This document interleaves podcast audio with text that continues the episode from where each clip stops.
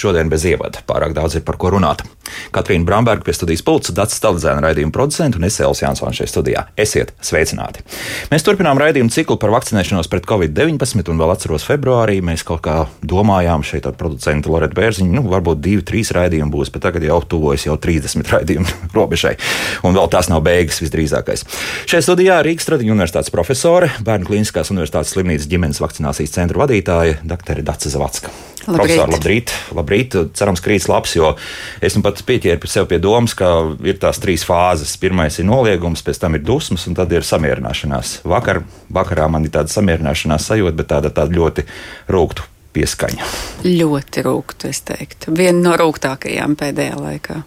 Nebija jums tāda sajūta, ka it kā zinājām, ka būs rudenī būs slikti, bet nu, varbūt tiem antivakceriem, es atvainojos, būs zinām taisnība un kaut kā mums tā viss izsūksies. Mēs tā Nu, laikam jau nepavēlti saka, ka cerība mirst pēdējā, bet šis ir ļoti loģisks iznākums tas, kas tagad arī notiek jā, valstī. Jā. Nu, jā.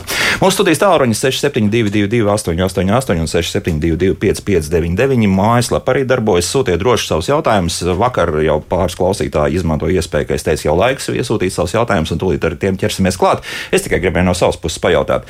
Atkal vēl viena tāda jocīga, nu, varbūt ne jocīga teorija par to, ko izmanto arī visi tie, kas ir pret vakcināciju, ir tā saucamās uh, pašas vakcīnas ievadīšanas procedūra. Proti, ka nu, ne pārāk veiksmīgi iedurot uh, šī vakcīna pa taisno trāpa vēnā rokas. Nu, ja, piemēram, ja man tur kaut cik droši ir trenēta roka, un tur ir pietiekami daudz tas deltas muskulis ir uztrenēts, tad varbūt uh, sievietēm vai arī vecākiem cilvēkiem tur nekā nav, un tad tiešām pataisno, tāpēc tur tāda liela asinsplūduma un tā tālāk. Un tā tālāk. Kā jūs komentēsiet šo anatomisko jautājumu?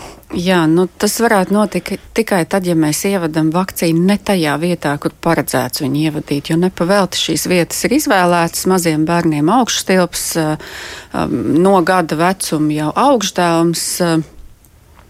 Tāpēc, ka muskulis ir pietiekami liels un vakcīnas adata pietiekami maza, lai viņi sasniegtu tieši muskuļu, nu, ja tā teikt, viducīti, ja, vai, vai to labāko muskuļu masu. Un um, arī pēc lokalizācijas um, šī vieta ir tāda, kur neiet uh, lieli asinsvadi. Mazs kapilārs uh, mums netraucē pilnīgi nemaz. Un uh, vakcīnu nevar ievadīt vēnā, ja vien mēs ievērojam to tehniku, kas mums ir jāievada, vienalga, cik liels vai mazs cilvēks būtu. Un arī ar to va vakcīnai nākošo līdzadatu, kas ir paredzēta vakcīnas ievadīšanai. Mm -hmm. Bet nu, tāda tīri cilvēciska kļūda mēs varam pieļaut, ka kaut kur šajos miljonos tad bija arī šie recepļi, kas varēja veidoties, ka teorētiski Nē. tas tā kaut kā. Nē, Nē kategoriski nē. Nē. Ja? Tad, tad visi tie it kā ārsti, kur YouTube ir redzami, kur diezgan nopietni apspriež to, ka tā tas varētu būt, un tāpēc šīs smagās blaknes tajos kaut kādos īpašos gadījumos, tad no tā nekādi. Ja? Nē, un arī cik es atminos, nu es sen esmu vakcīnās un, un, un, un dažādās valstīs visu kaut ko redzu un dzirdu un piedalos. Es pat neesmu laikam dzirdējusi par tādu gadījumu arī mm. pirms Covid. Jā, jo plecā jau ir pietiekami daudz arī citas vakcīnas, jā, kas tiek ievadītas. Jā, jā. un tā kā tam agri vēl. Ja vien kāds jāizpeld. apzināti vietā, kur tātad mēs tiekam vēnā vai kādā lielākā asinsvadā, to neizdara, tad tas ir apzināts, apzināta ļaunprātība. Tad vienkārši veicot injekciju intramuskulāro, tas nenotiek. Nenotiek. Labi, šo esam slēguši. Paklausīsimies arī klausītājs, kas jau mums sāk zvanīt. Lūdzu, jūs varat jautāt. Labrīt! Labrīt. Man ir tāds jautājums. Mēs esam vakcinēti ar sievu, mēs esam 60 plus, sieva mediķis būdam ir vakcinēta kaut kad, neatceros, nu pieņemsim martā, jā, es otro potu saņēmu jūnijā. Tagad tiek runāts jau pa iespēju vai pa kaut kādu iespējamu nepieciešamību pēc trešās potas vai tam līdzīgi. Vai ir jau kaut kāda pētījuma, kur rezultātā varētu pateikt, cik ilgi saglabājās tā potas iedarbība un vai ir iespējama kaut kādi laboratoriski vai kāda cita izmeklējuma, ar kur palīdzību varētu noteikt, ka, nu, ir pienācis laiks, ka, nu, tiešām vajag to uh, nākošo potu, jo rādās, ka tā slimība kādu laiku ar mums vēl sadzīvos. Un papildus jautājums, ja, ja tās pirmās potas ir bijuši ar AstraZeneca, vai ir kaut kāda iespēja vēl tomēr šo poti saņemt, vai viņa pie mums vispār nav galīgi pieejama, jo -hmm. liekas, ka tā tās vektoru vakcīnas tomēr ir savādākas nekā tās eh, mRNS vakcīnas. Ļoti labi jautājumi, paldies. Un tagad sākam atbildēt. Jā, jā, es arī gribēju kungam pateikt paldies par šo jautājumu, jo raidījuma sākumā Šodien klausījos arī rīta panorāmu, kur mm, daļai arī neprecīza informācija izskanēja. Uh, tā tad um, es droši vien sākšu ar tiem, kas ir divas devas mm -hmm. saņēmuši. Uh, un um, dati par divu devu efektivitāti, vai tā būtu AstraZeneca, AstraZeneca, vai Moderna, Moderna, vai Pfizer, Pfizer, vai Jansens viens pats mums ir, un, un, un visa pasaule seko nepārtraukti. Un, lielajos tādos apskatos, kas ir pieejami profesionāļiem, katru, me, katru nedēļu atjaunojās informācija, kur nāk klāt no visas pasaules pētījuma. Nu, tā tad korekta šī zinātniskā informācija. Un um, iepriecinoši, ka pret smagu smagu covid-19 gaitu, arī vidēji smagu un hospitalizāciju saglabājās augsta efektivitāte gan abām ziņnešu vakcīnām, tātad Pfizeram, Modernai, arī AstraZenekai. Ja mēs paskatāmies uz valstīm, kas pašas pirmās sāka vakcinēt, un, un tātad sāka ar mediķiem, un tad bija seniori, diez, diezgan pēc īsa brīža, tad un ir pagājuši jau drīz būs tātad 10 mēneši un, mm -hmm. un, un 11 mēneši, ja, tad um, tie dati uz hospitalizāciju un uz smagu gaitu joprojām paliek stabili. Par Jansenu mēs jau tā tad uh, pavisam nesen arī gājām publiski, tur gan šie dati. Um, rāda reālās dzīves efektivitāte kad um, nokļūst tomēr slimnīcās. Tie, kas ir vakcinēti ar vienu devu Jansenu, nedaudz, bet pietiekami, lai uh, tātad katram no šiem cilvēkiem nu, savai veselībai tomēr rekomendētu šo otro devu. Un um, arī tāpēc, lai veselības aprūpas sistēma pasargātu no šo cilvēku nokļūšanas slimnīcā. Pret simptomātisku tas, ka mēs varam inficēties, esot pilnībā vakcinēti, tas ir tikai loģiski, kad arī šis vakcinēto inficējušos īpatsvars tikai pieaugs. Arī tad, ja mums būs 100% vakcinēti visi cilvēki, tad būs tādi, kas ir inficējušies. Bet tā, tā labā ziņa, ka lielākā daļa no viņiem ļoti viegli pārslimoto. Mums bija arī uh, divi prezidenti, ja, viens esošais, viens eksprezidents, kas bija kā, kā labs piemērs un arī skatoties varbūt uz vecumu un blakus saslimšanu. Pilnīgi atrodas mājasēdē, ja nu, tā, tā jau tā ir izolācija. Tieši tā. Vienīgais, ja. uh, vēl jāpiebilst, um, tātad šie dati, kas arī jau mm, arī skatoties šūnu imunitāti un antivielas, kā saglabājās. Um, tās ir ļoti specifiskas antivielas, un par antivielām es vēl paturpināšu. Mm, tātad mod, pēc modernas uh, divu devu saņemšanas modernai ir augstāka deva nekā, piemēram, Pfizeram. Ko tas nozīmē? Viņi jau tā jau ir dabiski, nu, respektīvi, dabiski, bet jau, tā paredzēta. Jā, jā, jā, jā, jā jau no paša mhm. sākuma. Mm. Tā tad uh, tas antigēna deva, tas spēka proteīns mm -hmm. vai tas ziņnesis jā. ir augstākā devā modernas vakcīnā, bet tas nav kaitīgi cilvēkam. Ja? Um, Tātad šī deva ir augstāka, un to mēs redzam tagad, kad astoņus mēnešus pēc vakcīnas saņemšanas stabili saglabājās aizsardzība. Tāpēc, stabili, jā, tad tas nozīmē, ka šiem modernistiem nevajadzēs. Nu, vismaz pagaidām nē. Mm -hmm. nu, mhm. es teicu, ziņas un, un dati un, un reālās dzīves pierādījumi mainās bezmaz vai ik pa nedēļai. Jā. Jā, ik, un... Es šeit pielikšu vienu jautājumu jā. arī no klausītājas puses tieši par modernas vakcīnu. Abas reizes bija nu, tā nepārāk laba pašsajūta un diezgan ilgi arī bija nu, tā nepārāk mhm. labi. Un it kā nu ir tā grupa, kur varētu būt būt arī tā trešā. Vai tas nozīmē, ka vajadzētu, ja vajadzēs, tad būs tā pati moderna, vai varēs izvēlēties tomēr vai to pašu Pfizer, respektīvi MRNS, vai nu tomēr arī atgriežoties pie tās pašas AstraZenekas? Jā, nu jā, un tā tad par to, kur devu. Un, nu, Kādu jau mēs tā kā bišķiņi izrunājām, jā, jā, jā. un, un, un Astrai Zenekai tie, kas ir divas devas saņēmuši, arī ļoti līdzīgi. Viņi ir nedaudz zemāki, protams, nebūsim, nebūsim Neliekuļosim. Jā, jā, tieši tā. Bet viņi ir labi uz smagu gaitu un hospitalizāciju. Uh, bet par trešām devām, ko dot kā atgādinājumu, jo īpaši modernai, uh, visticamāk, viņi arī paši tagad iet uz reģistrāciju ar pusdevu. Tātad Aha. būtiski samazināts.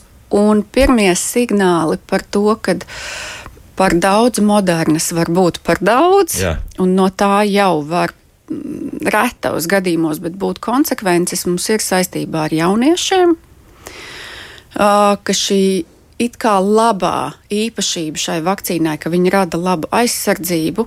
Tomēr, ja mēs dodam pa biežu vai pa daudz, jau kādam var kļūt par skādi. Tāpēc es iesaku tiešām nevis akli domāt, jo vairāk es dabūšu, jo labāk es būs, būšu aizsargāts, bet sekot, un uh, tas viss notiek niansēs, un šīs nianses ir svarīgas.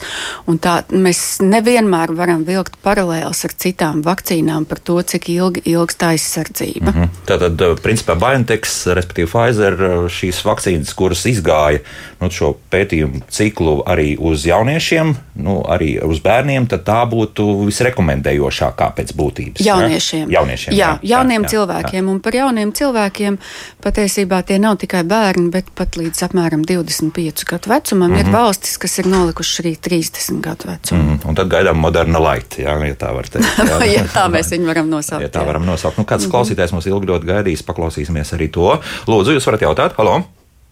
Labdien!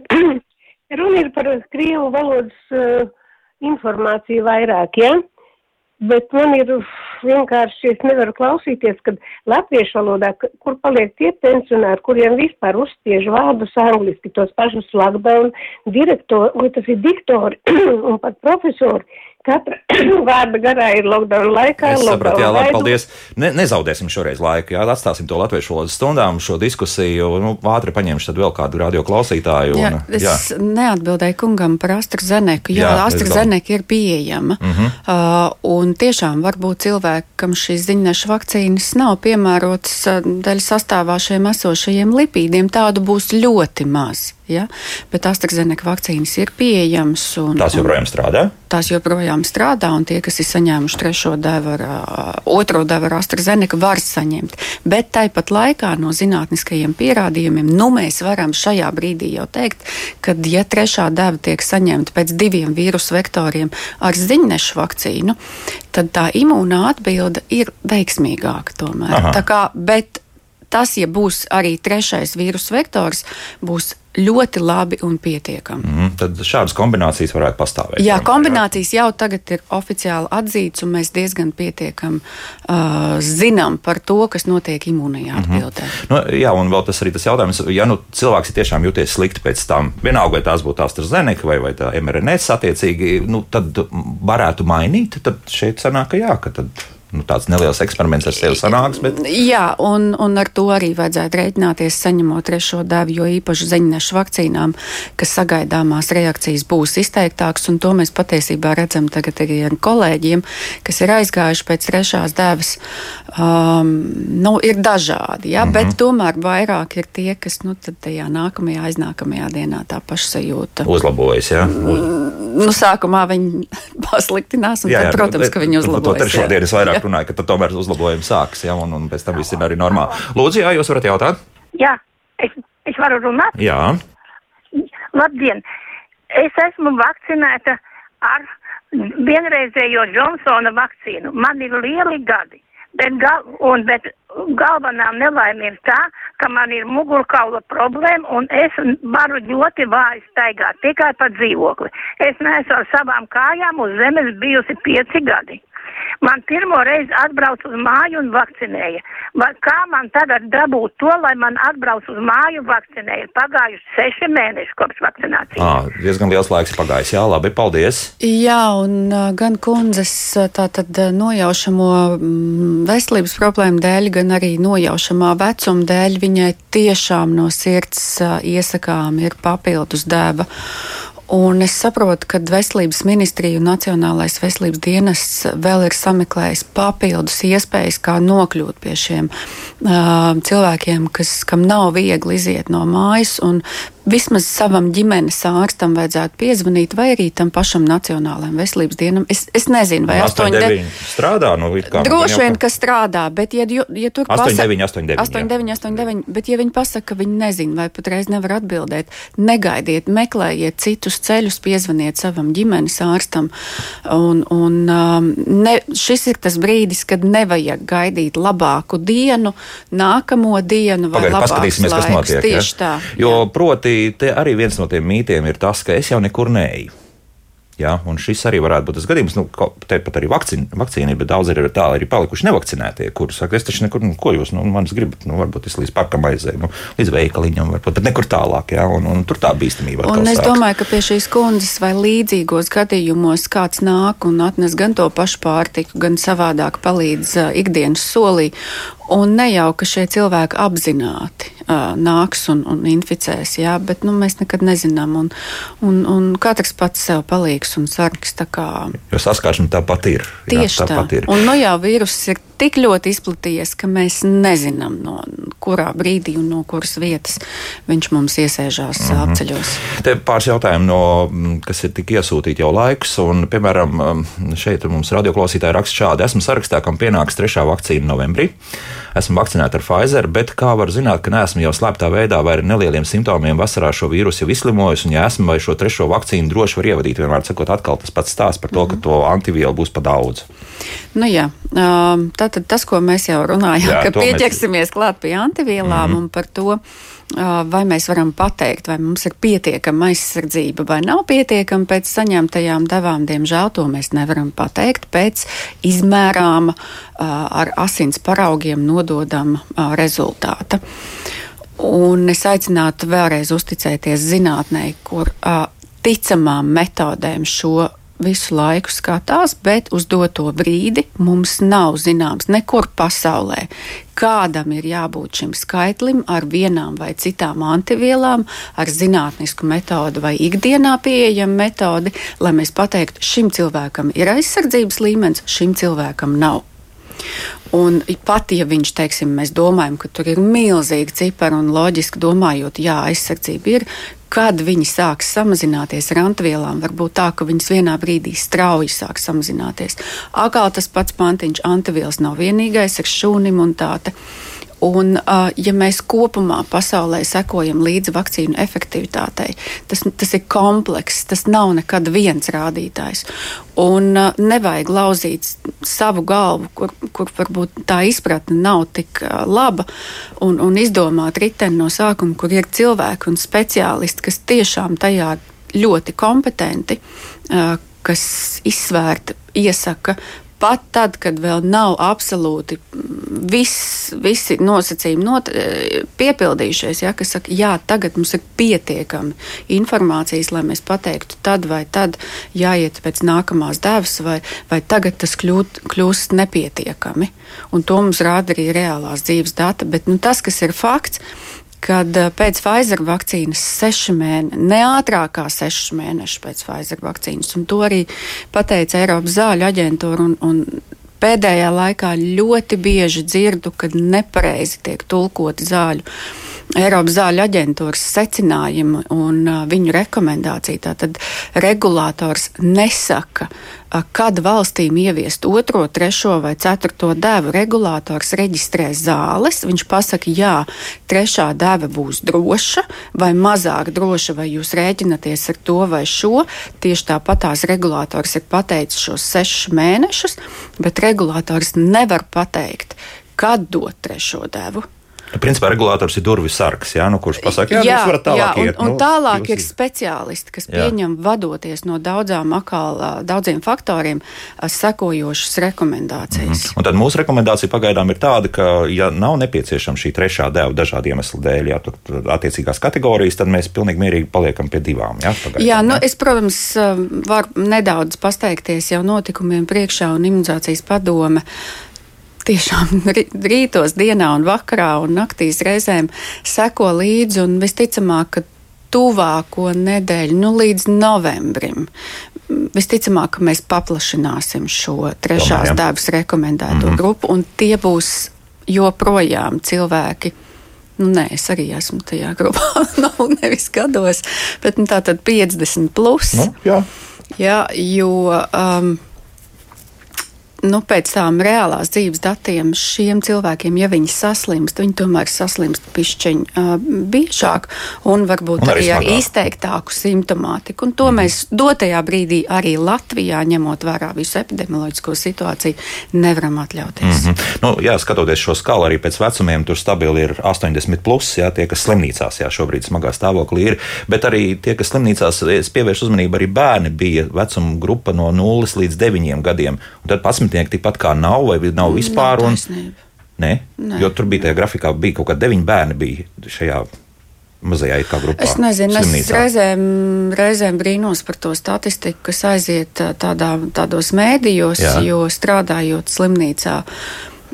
Un ikdienā nodaļā, kur tiek stacionēti Covid-19 bērni, un es teiktu, ka laikam, mums ir vislielākā pieredze no visas Latvijas, tad mums ir bijuši gan zīdaiņi, gan 12 gadīgi, gan 16 gadīgi, gan 17 gadīgi, gan, gan 5 gadīgi. Nu, tas spektrs, protams, ka viņu nav daudz, un viņiem ir vidēji smaga gaita lielākai daļai no viņiem. Un, Bet ir dažādi vecumi. Un, un uh -huh. Īpaši tie zīdainīši, nu, protams, ka viņi ir inficējušies no vecākiem vai no tuviniekiem.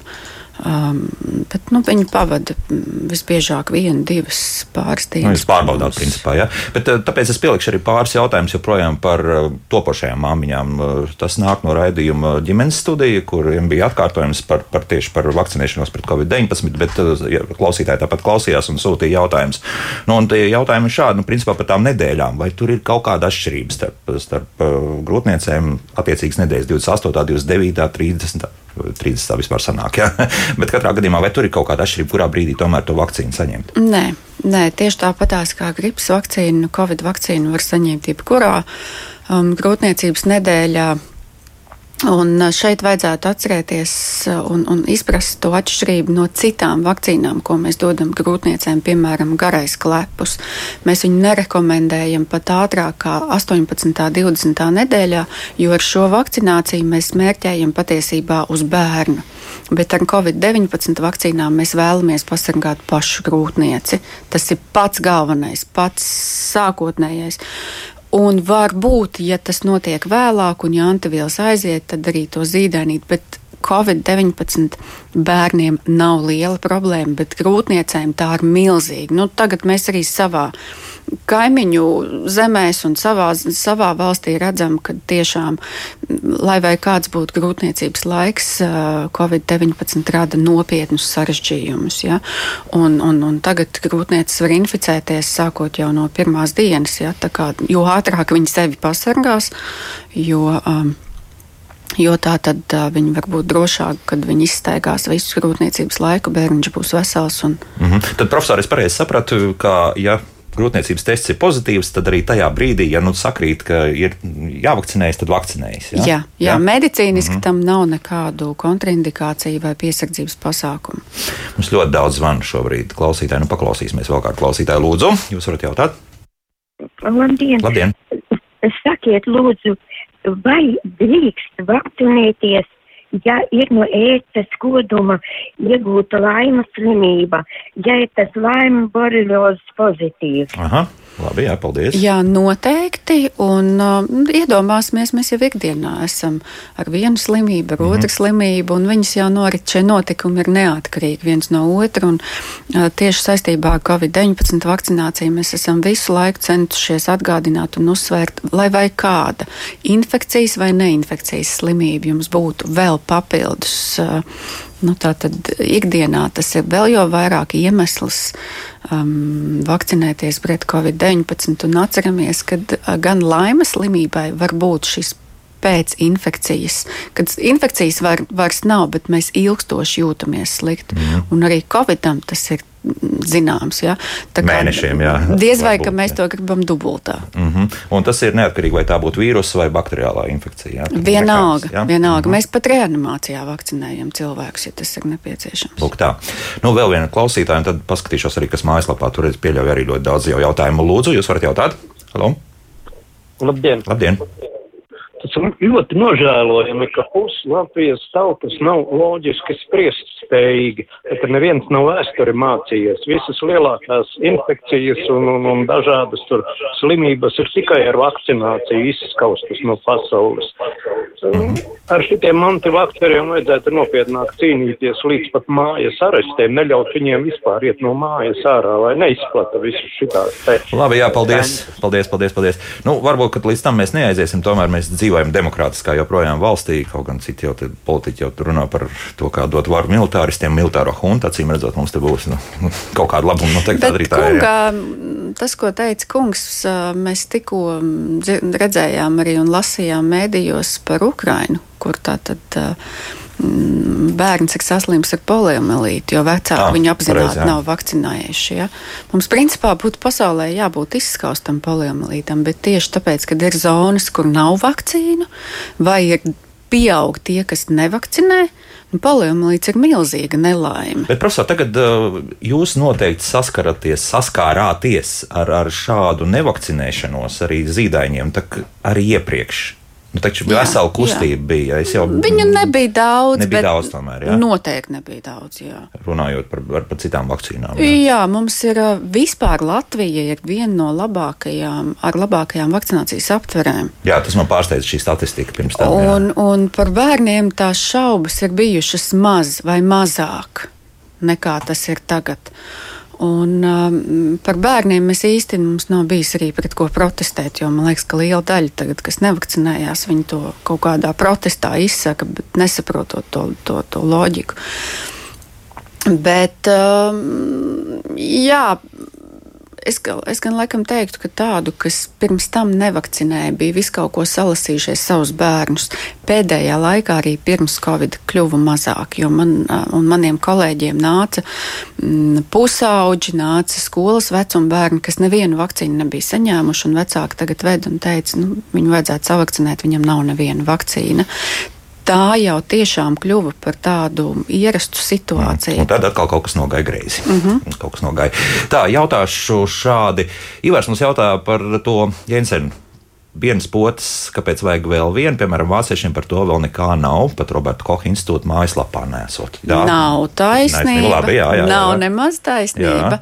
Um, arī mēs skatījāmies, tad, kad um, vajadzēja izlemt, kad ieteikt šo otro devu, kas ir labākais brīdis. Uh, tad, piemēram, Roberta Kocha institūts, un viņiem ir imunizācijas padome Štiko saucās. Viņi pat pēc četrām nedēļām iesaka, vajag attaisīt uh mhm. -huh. un paskatīties. Jā, ja? um, Islande to sāka jau augustā, um, Austrija, Austrija ir jocīgi, bet uh, diezgan slikti rezultāti ar Jansenu vakcīnu. Viņi bija tādi izteikti trauksmes cēlāji arī Portugālē pret tādu simptomātisku inficēšanos ar Jansenu ir slikti dati. Ja? Protams, valstu starpā šie dati atšķirās, bet nu, ir skaidrs, ka viena deva, un tas jau pēc vakcīnu loģikas un pēc pamatprincipiem, viena deva un šis ražotājs to gāja uz šādu soli agrīnai pandēmijas fāzē. Pavasarī tas mums ļoti -hmm. labi derēja, bet, ja mēs domājam par aizsardzību um, gada garumā vai pat ilgāk, nu viena deva nedzīvai vakcīnai nevar to paveikt. Tad uh, sanāk to, ka, ja mēs pielīdzinām Jensenam tam Sputnikam Light, jā, kur uh, tad Sputniks plus, ja tas pilnais Sputniks tur bija paredzēts, ka tas otrs, otra deva ir pavisam cita, tātad vīrus faktiski šis. Uh, vektors. Nu jā, viņiem bija sava apsvēruma, jā. bet arī tam pašam Jansenam viņš jau vienlaicīgi uzsāka arī pētījumus ar divām devām, un mm -hmm. tūlīt, tūlīt viņiem būs arī reģistrācija ar divām bet, devām. Profesor, tagad ir diezgan liels nepatikšanas, jo tieši te tām Jensena vakcīnas parādīšanās atkal apritē, nu tad diezgan liels iedzīvotājs skaits aizskrēja vismaz to vienu potu uztaisīt. Nu, tas nozīmē, ka viņas kaut kā pierunāt izdosies uz to otru, vai, vai te mums atkal sāksies zināmas problēmas. Nu, viens jau ir tas, ka viņiem šī otrā dēva tiek rekomendēta divus līdz trīs mēnešus pēc pirmās dēvas. Mm -hmm. nu, tie, kas ir tagad, oktobrī aizgājuši, nu, viņiem tas būs ziemas sākumā. Es domāju, ka mēs būsim spiesti saprast mēs redzēsim, kas notiek apkārt, ja, ka tie nav joki un, un, un kas pārzīmos, tas pārzīmos, kas ne, tas ne. Katrs pats savas laimes kalējas šajā situācijā.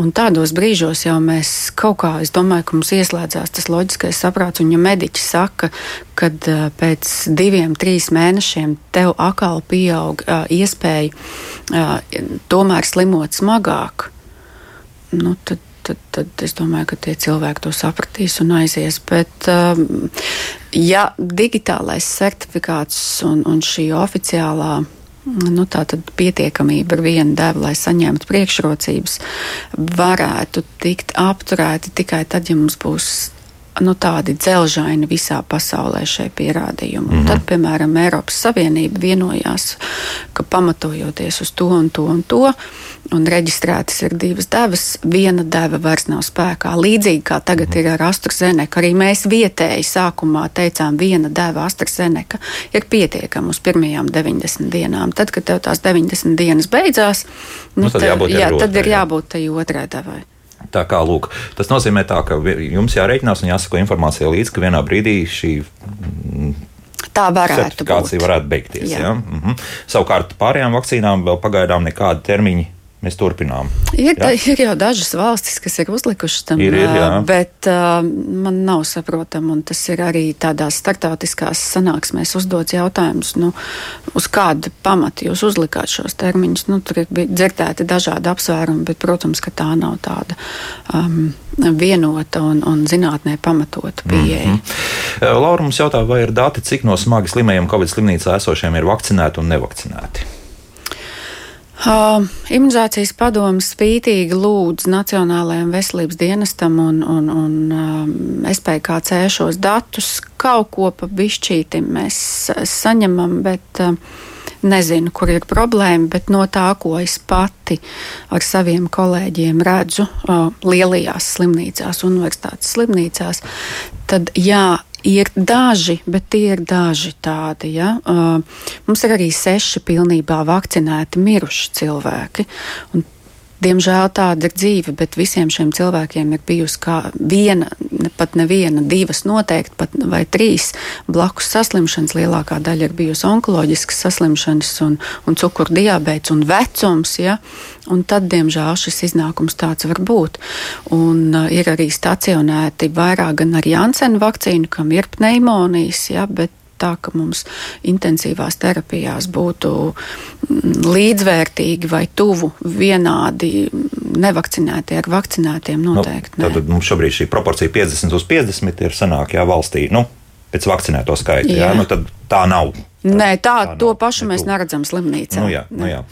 Uh, Viktors mums jautā, kāpēc pusgadu nekas netika darīts, lai apkarotu dezinformāciju. Daudz neklausās Latvijas radio un Latvijas televīziju neskatās. Nu, Nu, tādā mēs pasaulē dzīvojam, ja? un mēs nu, neesam vienīgie, diemžēl. Es arī no tā paša, ko jūs man jautājāt pirms Covid par tiem antivakseriem vai tie, kas vilcinās, principā ir jāvēlās dzirdēt. Cilvēkam ir jābūt gatavam klausīties, vai jāgrib klausīties un dzirdēt to, ko tev saka.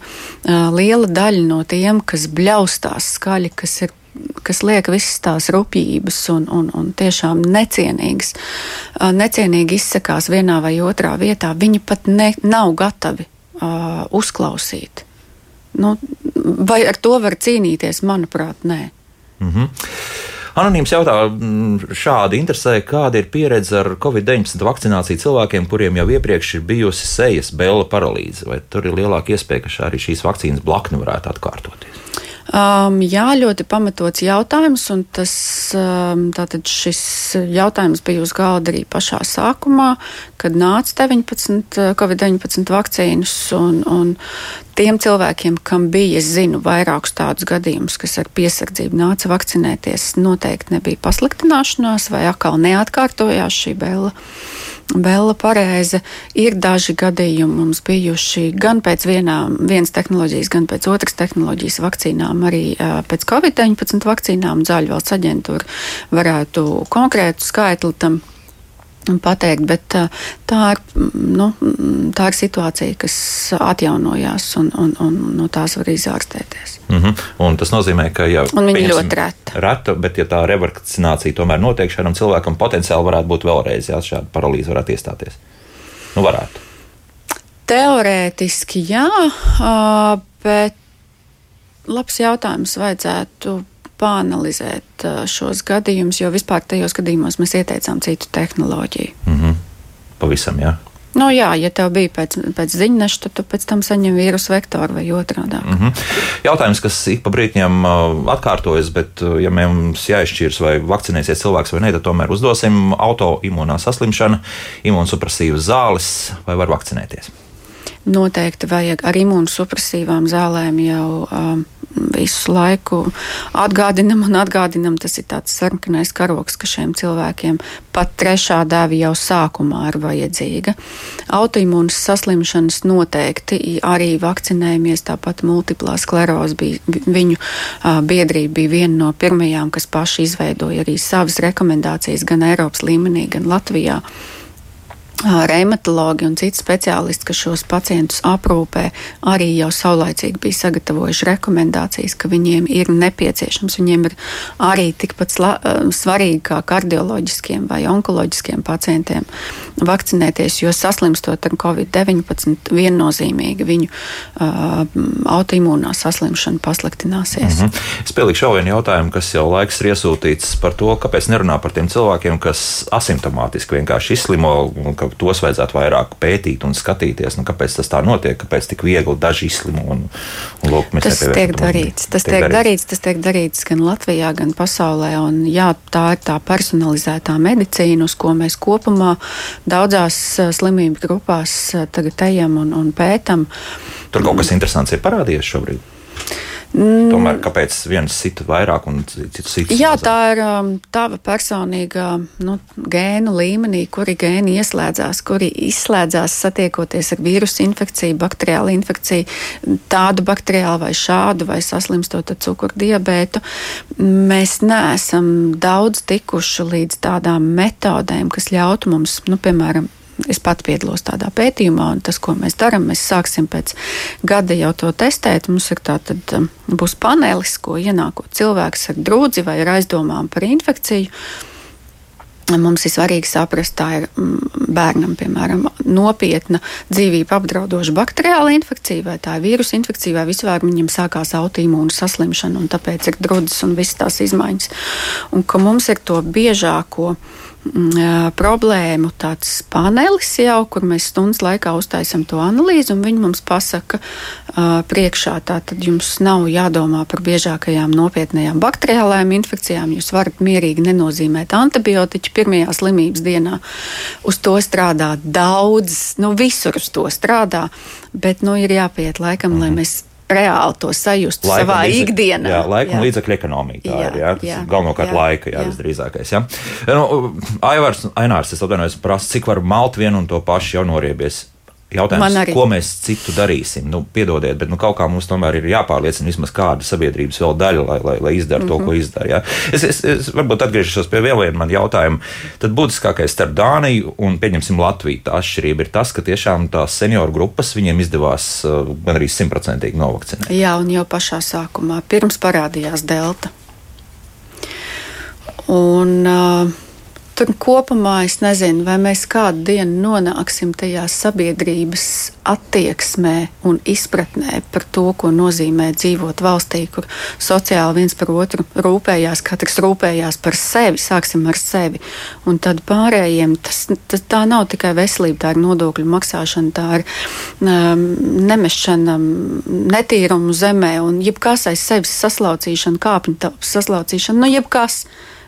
Uh, un, un tā izskaitā arī vakcinācija. Un viņi tieši tāpatās dusmojās par savas valdības lēmumiem, un viņiem nepatīk valdība, bet uh, Tad, viņi, vajag... viņi to spēja nodalīt. Mm -hmm. Jā, to savu nepatiku pret politiku, pret labi zināmām veselības profilakses lietām. Nu, es nezinu, tas tas pats, kad nu, zobus mazgāt. Nu, mums taču nav jāstāsta, kāpēc ir jāmazgā zobi. Mm -hmm. Labi, pie praktiskām lietām atpakaļ. Ai, mums jautā, vai 80 gadus vecam cilvēkam jāgaida uzaicinājums uz trešo devu, ja pašam būs jāmeklē? Es aicinātu visus negaidīt uz nekādus uzaicinājumus, jo pirmkārt mēs tīri fiziski un laika ziņā visus nevaram uzaicināt. Es zinu daudz ģimenes ārstus, kas mēģina apzvanīt savus seniorus, bet uh, noteikti uz doto brīdi katrs pats sev palīgs. Katrs pats savas laimes kalēs aiziešu, saņemšu, būšu pasargāts. Mm -hmm. Gaidīšu uz labāku dienu, vai ka kāds man uz, atsūtīs uzaicinājumu. Nē, neatsūtīs. Bet par to trešo devu. Arī, arī, arī protams, jā. 65 mm -hmm. plus mēs jau jā, septembrī vidū pateicām, ka mm -hmm. mēs aicinām. Ir, ejam, jā, ir pagājuši tie seši mēneši. Nu, protams, jā. Un modernai vēl nē.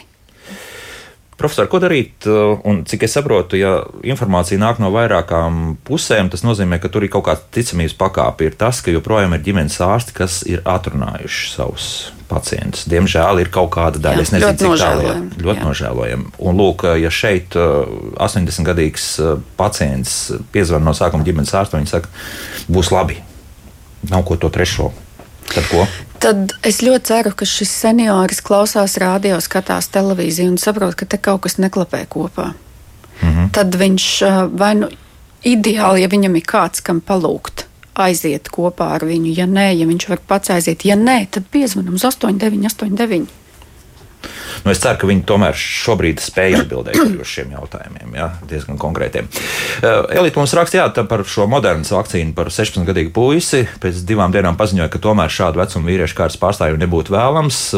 Kā tagad, lai dara to otro devu? Jo... Pfizer. Pfizer, jā, jā. Mm -hmm, jo esat bijis diezgan slikti pašsajūta. Nu, to, Pēc pašsajūtas mēs noteikti nespriežam par to, cik varētu kādam attīstīties šis miocardīts vai perikardīts. Noteikti to nenosaka pašsajūta. Un, um, pēdējās nedēļās es esmu arī savās konsultācijās pieņemšanās mm, pāris puišus, kas ir, uh, jo īpaši pēc tam, ka šī informācija par miocardītiem uh, bija publiski vairāk pieejama.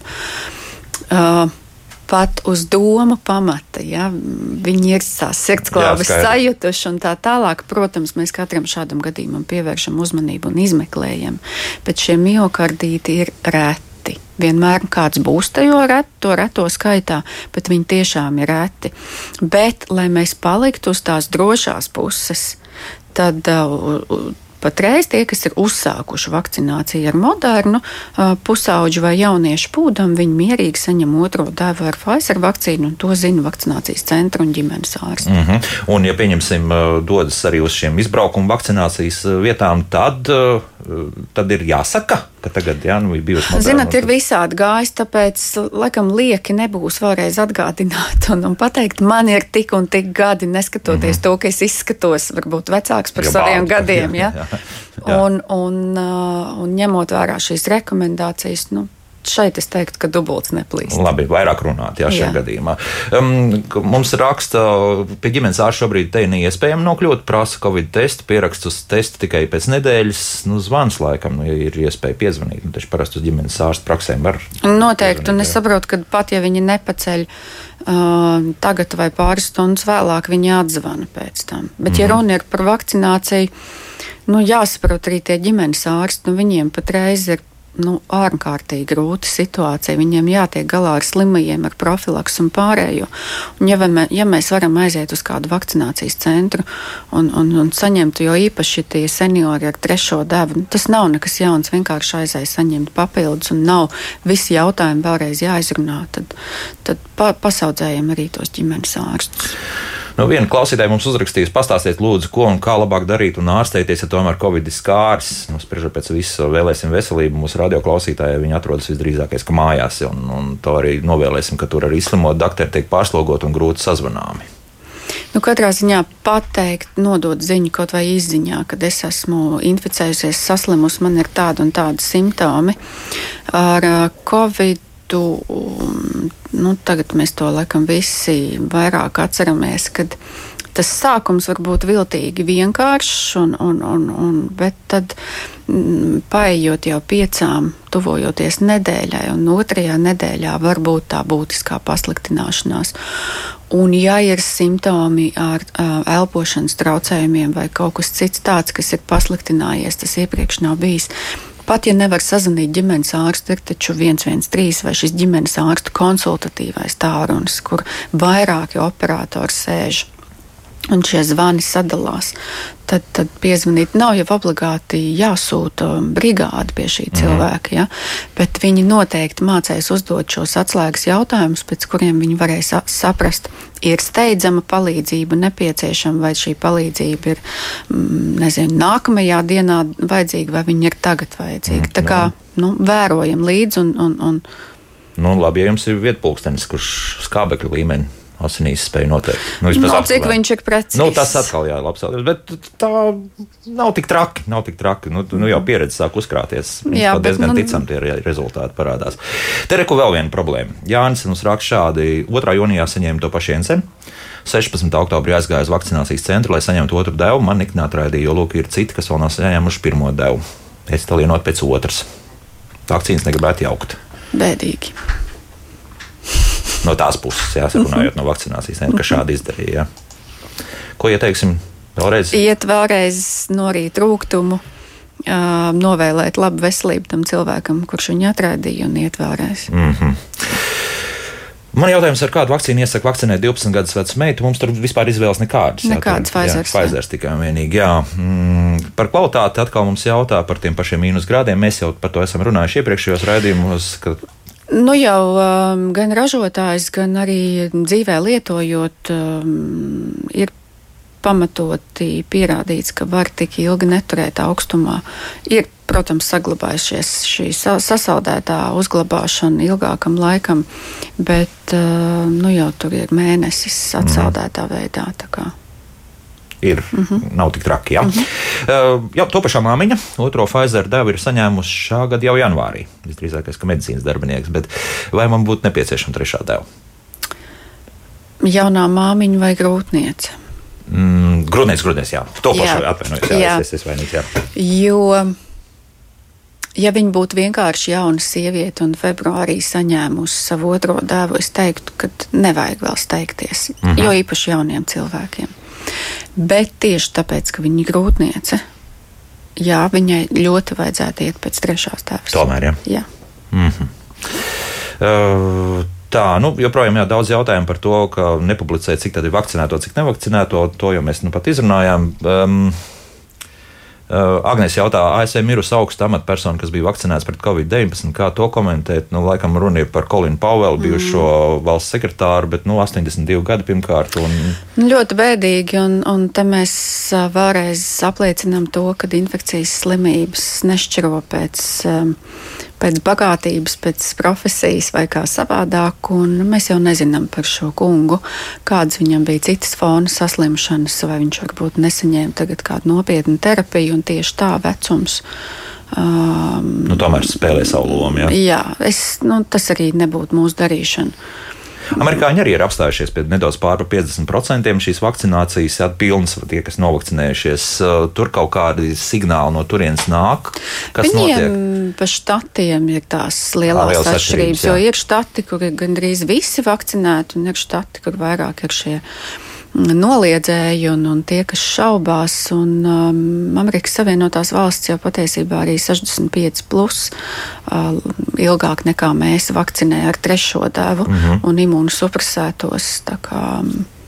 Nu, no viņiem mēs arī gaidām datus. Un runājot par trešām devām un visiem tiem gudriniekiem, kas saka tikai dodat un dodat un, un vajag un vajag, es ļoti labprāt no viņiem pēc šī dodat man gribētu dzirdēt, ko tas tev dos. Tu zini, ko tas tev dos. Kas tev būs nu, no trešās nav, jā, un. Vai tas tev mazinās iespēju vispār inficēties, vai tas tev mazinās iespēju nodot kādam citam, vai tas tevi personīgi pasargās, un ja tas pasargās, mums šo, mēs šobrīd, šobrīd nevaram atbildēt, vai šī. Uh, Uz to brīdi, protams, imūnā sistēma atbild un antivielas paaugstinās un šūnu imunitāti un tā tālāk, bet cik ilgi tas saglabājās? Um, kāds mums te pārmet par timing, par angļu vārdiem, ja, bet uh, šajā mm, vakcīnu pasaulē tas ir ļoti svarīgs vārds - timings, atrast pareizo, efektīvāko brīdi, kad iedot to papildus devu, lai sasniegtu maksimālo efektu. Mm -hmm. um, Gunārs mums jautā arī tādas tīri praktiskas lietas. Uh, šobrīd uh, esam 70 plus un 90 plus, acīm redzot, vismaz divi cilvēki. Un tūlīt būs pusgads pēc otrās AstraZeneca potes, vai nepieciešams ģimenes ārsts kaut kāds nosūtījums? Nē, nav, nav nepieciešams. Ja? Droši ejam un, un saņemam trešo devu. Un... Un, Jā, nav, nav, nosūtījuma nepieciešama. Mhm. Nosūtījumi bija sākotnēji, un arī tagad patiesībā saglabājušies tiem, kas ir šie imūnosupresētie cilvēki. Mm -hmm. Daudz pārdomu arī par šīm profesijām, sevišķi skolotājiem, kuri nu, izrāda visdažādākās pretestības. Mēs zinām, tagad ir ļoti konkrēts. Man ir tēls Tante Bauskā, ko gan Tante Bauskā ir pa pāris gadiem tikai vecāka par mani, jā, bet tagad man ir ļoti konkrēts. To mēs atkal atgriežamies pie Latvijas televīzijas panorāmas, jā, mazā pētījuma par to, kas notiks un, un atbildība. Nu, nu, tā ir. Un, Šobrīd raksta diezgan daudz vakcinētie, kur ir nikni. Nikni par to, ka viņi visu izdarījuši, un viņi tagad ir spiesti, būs spiesti sēdēt mājās. Es arī tāda esmu. Nu, jā. Bet ko darīt? Nu, tā tas ir. Profesor, nu, paldies! Nu, uz visiem jautājumiem nespējam atbildēt. Visdrīzākais, ka mums ļoti iespējams, ka attālināti, bet novembrī kaut kad būs atkal jāatbild jā, klausītājiem. Jā, mums jau arī jā. droši vien būs jaun, jauna, jaunas zināšanas, un jauna pierādījuma un jaunas rekomendācijas. Tā kā es labprāt par viņiem stāstīšu, mm. ja būs nepieciešams. Tā kā varam pārliecināties, mēnešu laikā tomēr daudz kas mainās. Jā, jā. Un tieši tā. Rīgas Tradiņu universitātes profesora, Bērnu Kliniskās universitātes slimnīcas ģimenes vakcinācijas centra vadītāja Dācis Zavacka bija kopā ar mums. Paldies, profesor, Paldies. par, par šo stundu. Nu ko, rītdien Mēs par vienoto tiesību aktu projektu izstrādes un saskaņošanas portālu. Kas tas tāds un vai tas ir tikai ķeksīšs pēc, vai tiešām sabiedrība tur var iesaistīties un savus domas arī izteikt, to visu mēģināsim noskaidrot raidījumā. Rīt laikam man pēdējie dzīvie viesi šajā studijā būs, un pēc tam jau, nu jā, pēc tam jau ir pēc tam. Jaukdien visiem un tā!